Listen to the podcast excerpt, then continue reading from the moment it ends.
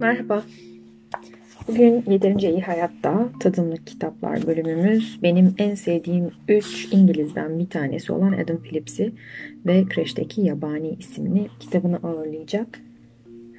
Ee, kitap nispeten eski kitaplarından biri. Daha önce çevrilmiş kitaplardan bir tanesi ve ayrıntı yayınlarından çıktı. Ee, ben Adam Phillips'in dilini çok seviyorum. Yalnız bu e, yani anlatma şekli, özellikle psikanalizle ilişkisi bağlamında anlatma şeklini, psikanalizi çok seviyorum. Ancak e, bu kitabın dili biraz karmaşık. Arada çok fazla ara cümleler var ve açıklamalar var. Bazen onlara takılıp e, muhtemelen e, anlamı bozacağım. E, anlamı bütünleştirmeye çalışırken. O yüzden şimdiden affınıza sığınıyorum. Kitabın içinde e, girişten sonra ilgili taraf kreşteki yabani bir örtük mesaj girişimi, haklı öfke ve final bölümleri var. Ben size haklı öfkeden birkaç parça okuyacağım. Birkaç parça diyorum. Çünkü bölüm kısa, parçalar daha kısa.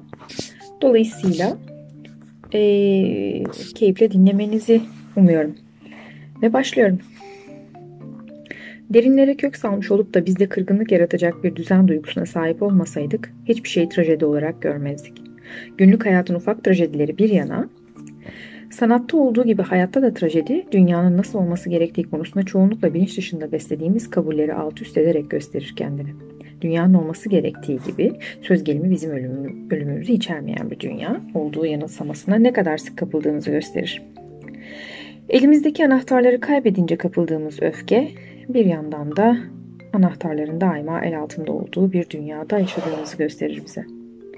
Bir başka yerde akıcı, kesintisiz becerilerle dolu bir dünya vardır. Her şeyin tıkır tıkır işlediği bir dünya. Asla öfkeye kapılmaya gerek duymadığımız, daha doğrusu ortadan kaldırmak, içimizden akıtmak için öfkeyi kullandığımız, o dayanılmaz çatışmaya gerek duyulmayan bir dünya. Yani hiçbir öfke yoktur ki intikam niteliği taşımasın. Bir ideale ihanet edilmesi söz konusu olmadıkça öfke de olmaz. O ideal ne kadar bilinç ne kadar erişilmez olursa olsun. Hiddete kapıldığımda yalnızca kontrolsüzlüğümü açık etmiş olmam. Daha utanç verici olanı gizli gizli beslediğim ütopyacılığı açık etmemdir. Kendimle ilgili olarak ve kendi adıma beslediğim o dehşet verici tutkulu idealdir bu. Bir başka deyişle görünen ben ile olmak istediğim ben arasındaki kopukluğu daha fazla taşıyamadığım anda aşağılanmış hissederim kendimi. Psikanalizin dilinde bu egom ile ego idealim arasındaki uçurumun kapatılmaz olduğu andır. Kaybından ötürü ardından yas tutmaya dayanamayacağım yegane kişi idealimdeki bendir. Her şey hatta aşağılanmanın yarattığı utanç verici kışkırtma bile buna yeğdir. Madem ki öfke idealimizi kendimizi nasıl idealize ettiğimizi gösterir, aynı hesaba göre kibrimizden feragat potansiyelimiz de ahlakın kökenidir. Aslında küçültüldüğümüz anların bizde böyle bir etki yaratması ilginç. Küçük düşürülme ve alaya alınma konusunda hep nasıl da savunmasız oluyoruz. Bir ahlaktan yoksun olmanın imkansızlığını hiçbir şey kibrimizden feragat kapasitemiz kadar açık biçimde doğrulamaz. Kendimizi küçülmüş hissettiğimizde bizim için önemli olanların bizim için ne kadar önemli olduğu çıkar ortaya. Kapıldığımız öfke bir şey olan bağlılığımızdır aslında. Tercih edilen bir şey. Zaten aşağılanmaya karşı bağışıklığı olan ya da bu duyguyu hiç tanımayan biri iyi bir hayatın ne olduğunu nasıl bilebilir ki? Öfke anında açığa çıkan ihanetlerimiz, çarpıklıklarımız eğreti ve vakitsiz birer ifşaattır. Öfkemizin açık ettiği ahlakımız bir tür şahsi deliliktir sanki. Şahsi dinimizin onca el üstünde tutulan değerleridir de. Ancak çiğnendiklerinde varlığını fark ederiz bunların. Tabii eğer fark edersek. Bilinçli olarak formüle ettiğimiz ve yolundan ayrılmamaya çalıştığımız erdemlerin resmi ahlakımızı oluşturduğu söylenebilir. Gayri resmi ve daha bize özgü olan ahlakımız ise ancak değiş yerinde ise aşağılanma sonucunda kendini gösterir. Sizi aşağılayanın kim ya da ne olduğunu bildiğiniz anda kendinizle ilgili olarak mutlak biçimde değer verdiğiniz, taptığınız şeyin ne olduğunu da biliyorsunuz demektir. Hiddete kapılmanıza neyin sebep olduğunu söyleyin bana. Size kendinizle ilgili olarak neye inandığınızı, neye inanmak istediğinizi söyleyeyim. Yani yaşama sevincinizi korumak adına neyi kendiniz için gerekli kabul ettiğinizi. Size şöyle dediğimi varsayalım. Ağaçları savuran rüzgara bak. Bütün görebildiğin kendi bildikleri gibi salınan ağaçlardır. Kendi özel ahlakımıza bakmak istersek görebileceğimiz, işitebileceğimiz ve hissedebileceğimiz şey öfkemizdir. İdeallerimizi memnuniyetsizliklerimizden çıkarsarız. Freud'un bize kabul ettirmeye çalıştığı da içgüdülerimiz yani onun içgüdünün içeriğine ilişkin kurgusu doğrultusunda hareket ettiğimize göre bize yol gösterenin ideallerimiz olduğu düşüncesiydi. Cinselliğin insan hayatında güçlü bir dürtü olduğu düşüncesi modern Avrupa'da öyle büyük bir keşif değildi. Cinselliği Freud keşfetmedi, onun keşfettiği cinselliğin ifade edilmeye nasıl direndiğiydi. Belki daha şaşırtıcı olan ahlakımızı cinselliğimizin büründüğü biçimlerden biri olarak tanıyabilmemizdi. Söz gelimi cezalandırma kavramı olmaksızın ne adaleti düşünebiliriz ne de cinsel sapkınlığı. Bir başka deyişle psikanaliz açısından baktığımızda ideallerimiz birer arzu nesnesidir. Daha doğrusu yüceltilmiş, daha kabul edilebilir biçimlerde yeniden tanımlanmış olan arzunun nesneleridir. İdeallerimiz bizim için başkaları açısından olduğundan niye ve nasıl daha zorlayıcı olduğunu görmek kolaydır. İnsanları sevmek, idealleri sevmekten daha güçtür ve daha tatmin edicidir. Ve ideallerimiz zamanı durdurabileceğimiz yanılsamasını, biz gelip geçsek de bir şeylerin kalıcı olduğu yanılsamasını yaratır bizde. Öyleyse öfke yalnızca tereddütle taahhütleri olanlara, kendileri için önem taşıyan projelere sahip kişilere göredir. Kayıtsızlara, tasasızlara, depresyon geçirenlere göre değil. Yani bir şeylerin ters gittiğini düşünen ve bunun başka türlü olabileceğini öfke anında bilen insanlara göredir. İster içeriden varsayımsal bir ölüm içgüdüsünün sessiz sedasız işleyişinden kaynaklanıyor olsun, ister dışarıdan bize şu ya da bu şeyi asla yeterli ölçüde vermeyecek daima engellenmişlik duygusu yaratan ötekinden kaynaklanıyor olsun bir kopuş söz konusudur. Bu en alt düzeyde olduğunda kafamızdaki tabloda bir şey kesintiye uğrar. Aniden engeller belirir. Engel olmadığı bir şekilde hedefinden uzaklaştırılmış bir yaratık tablosudur bu. Haksız müdahalelerden, baltalanmalardan, ihanetlerden söz eder öfkemiz. Ama paradoksal bir şekilde de aynı zamanda ısrardan, reddedilişten, ümitten. Bir başka deyişle intikamdan ayrı tutulamaz. Hem zaten çoğu zaman nesnesini gizleme gereği duysa da intikam hırsıyla dolu olmayan bir öfke düşünebilir miyiz? Öfke duygularımız dillendirilmiş adalet teorileridir. İntikamla dillendirilir, hayata geçirilirler. Denebilir ki intikam öfkenin tarzıdır, janrıdır. Öfke bizi acize düşürürse intikam da yapılacak bir şey koyar önümüze. Kafamızdaki dağınıklığı düzene sokar, insanın dünyaya ya da kendi hayatına anlam kazandırmasının yollarından biridir. İntikam bu kopuştan bir hikaye yaratır. Ve uğranan kayıpların iyiye doğru değiştirilebileceği inancıyla anlamın düzeltme olanağı ile ne ölçüde işbirliğine girdiğini gösterir bize. Trajedi daima eylem olanağının önünü tıkama tehdidi içerdiğindendir ki intikam ümidi diri tutar. Gerçek trajedi anlam yaratma kapasitemizi sorgular. İntikam bu sorgulamadan önce davranır. İntikamcı ete kemiğe bürünmüş erektir. Hamlet değilse eğer hem bir şeyler yapılabileceğini bilir hem de ne yapacağını. Zaten Hamlet'in kendi hayatının yaşanmaya değer olup olmadığını sorgulamasına sebep olan da intikam düşüncesiydi. Hamlet'in o kadar olağan olan yanı budur. Fakat ortalama intikamcı bir kez yaralandı mı hayatının ne uğruna yaşandığını bilir. Kendisini ilgilendirenin ne olduğunu bilir. Onun için yara saf anlamdan oluşan bir armağandır, bir uğraştır. İntikamcı için yegane soru nasıldır? Korkunç bir iyimser olarak adalete inanır o. Hem olabilirliğine hem de değerine. Ne istediğini bildiğine göre de kendi hayatının ne anlama geldiğini bilmektedir. Yine de aşağılanmanın ne olduğunu, öfkeye ne ölçüde yatkın olduğumuzu kendimize sormamıza sebep olan intikamın kurtarıcı, rahatlatıcı niteliğidir kesinlikle. Örtük olarak içerdiği düzeltme, iyi bir şeyi çıkarma ya da özleşme inancıdır. Öfke aynı anda hem aşırı ölçüde savunmasız olmamız karşısında bir itirazdır, hem de boyun eğmeyi reddedişimizin beyanıdır. Lafı dolandırmadan soracak olursak nedir aşağılanma? Bunca öfkeye kapılmamıza sebep olan yanı nedir?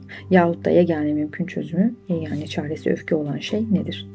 Bu soruların cevabı adalet ile çaresizlik arasındaki ilişkiyle yüz yüze, yüz yüze getirir bizi. Bir başka deyişle hak sahipliği duygumuzun kaynağıyla. Hakların deyince neyi anladığımı öfke duygumdan yola çıkarak yeniden kurmam ironik bir durumdur. Bir de herkesin bildiği gibi insan hakları denen şeyle bireyin kendi hakkı konusunda daima müphem olan bilinç dışı anlayış arasındaki şu huzursuzluk dolu gerilim vardır. Ben gizli bir takım ayrıcalıklara sahibim. Kendime hak gördüğüm bazı ihtiyaçlarım var benim. Hayatım ritüelleştirilmiş bir prestijden ibarettir. Yine de diğerleri arasında bir insanım işte. Her çocuğun kısa zamanda farkına vardığı gibi kendisi ne kadar önemli olursa olsun bir yandan da hiçbir şekilde özel biri değildir. Daima onu tümüyle önemsiz ve konu dışı bırakan bir bakış açısı vardır. Ve bu düşünce sonsuza dek musallat olacaktır ona. Onda ancak öfke uyandırabilecek bir bakış açısı, bir noktaya takılmış boş bir bakıştır bu ve bunun içinde çocuk kendini sürekli olarak yeniden oluşturmak durumundadır. Narsizm dediğimiz şey en canlı tepes, tecessümünü depresyonda ya da cinsel ilişki halinde ebeveynde bulan bir bakış açısını ortaya kaldırmada, ortadan kaldırma yolundaki çabadır. Öfke anında varlığınızın hissedilmesini sağlarız. Sadece kendi kendimize de olsa. Kapıldığımız heyecan bir tür hatırlatıcıdır, bir hayat belirtisidir. Yahut bir şeye ihtiyaç duyduğumuz sırada görmezden gelinmenin yol açtığı o yakıcı aşağılanmışlık duygusunun düzeltilme, düzeltilebilme ümididir. Aşağılanma, ümit ile oynanan bir oyundur daima. İstemeyi bir tür zulme dönüştürür.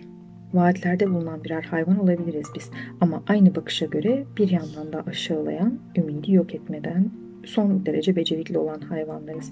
Bir, bas, bir başkasını ve elbette kendi kendini küçültmekten bu kadar çok haz alabilen hayvanlar.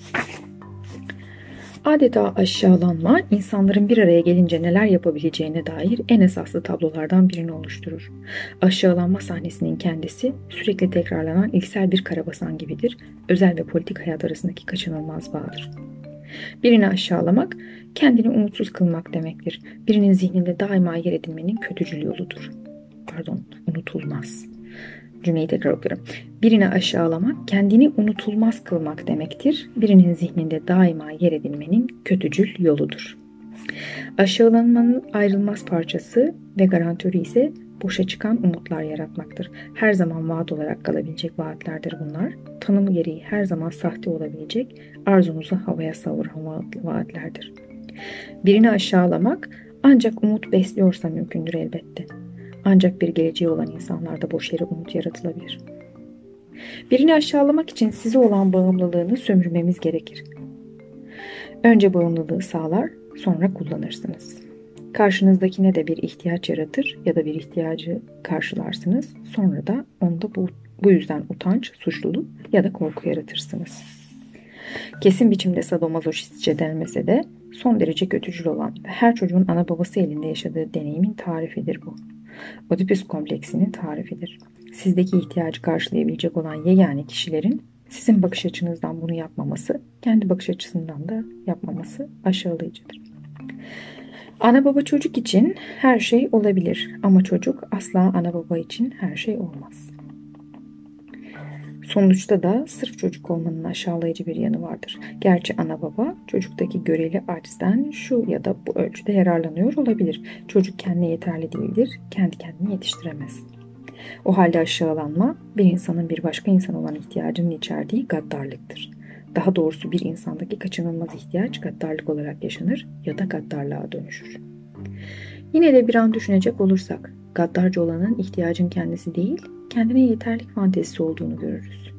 Ben her şeysem, her şeyi biliyorsam ve her şeye sahipsem, istemek diye bir şey düşünülemez bile. Öfkeye kapılırız çünkü her şey zaten hazırmış gibi yaşarız ve zaten bizimmiş gibi. Dolayısıyla öfkemiz hiçbir zaman var olmamış bir şey için yakılan ağıttır. Cinnet raddesindeki nostaljidir. Asla var olmayacak, var olmayacak bir şey için. Neticede hangisi daha çok bağımlıdır diğerine Tanrı mı, yarattığını? En azından en başında kendimizi sanki kaynaklar bizim de denetimimizdeymiş gibi tanımlıyorsak, Winnicott'ın deyişiyle anne bebeğin onu kendisinin yaratmış olduğu şeklindeki omnipotentlik yanılsamasını besliyorsa, öfke dediğimiz aydınlanma sürecinin ilk aşaması olmalı. İlksel bir yanılsamanın dağılması. Dünyada başka insanların da bulunduğunun kabullenilmesinden ibaret yalın ve açıkça kaçınılabilir bir durum. Kendi faniliğimizin kutlanması. Öteki olmaya hem içimizdeki hem dışımızdaki ötekiliğe ödenen bir saygı borcu olarak öfke. Yine de olsa olsa ironik bir hale getirebiliyoruz. Anlaşılan o ki hak sahipliği duygumuzun heybetinden asla vazgeçmiyoruz.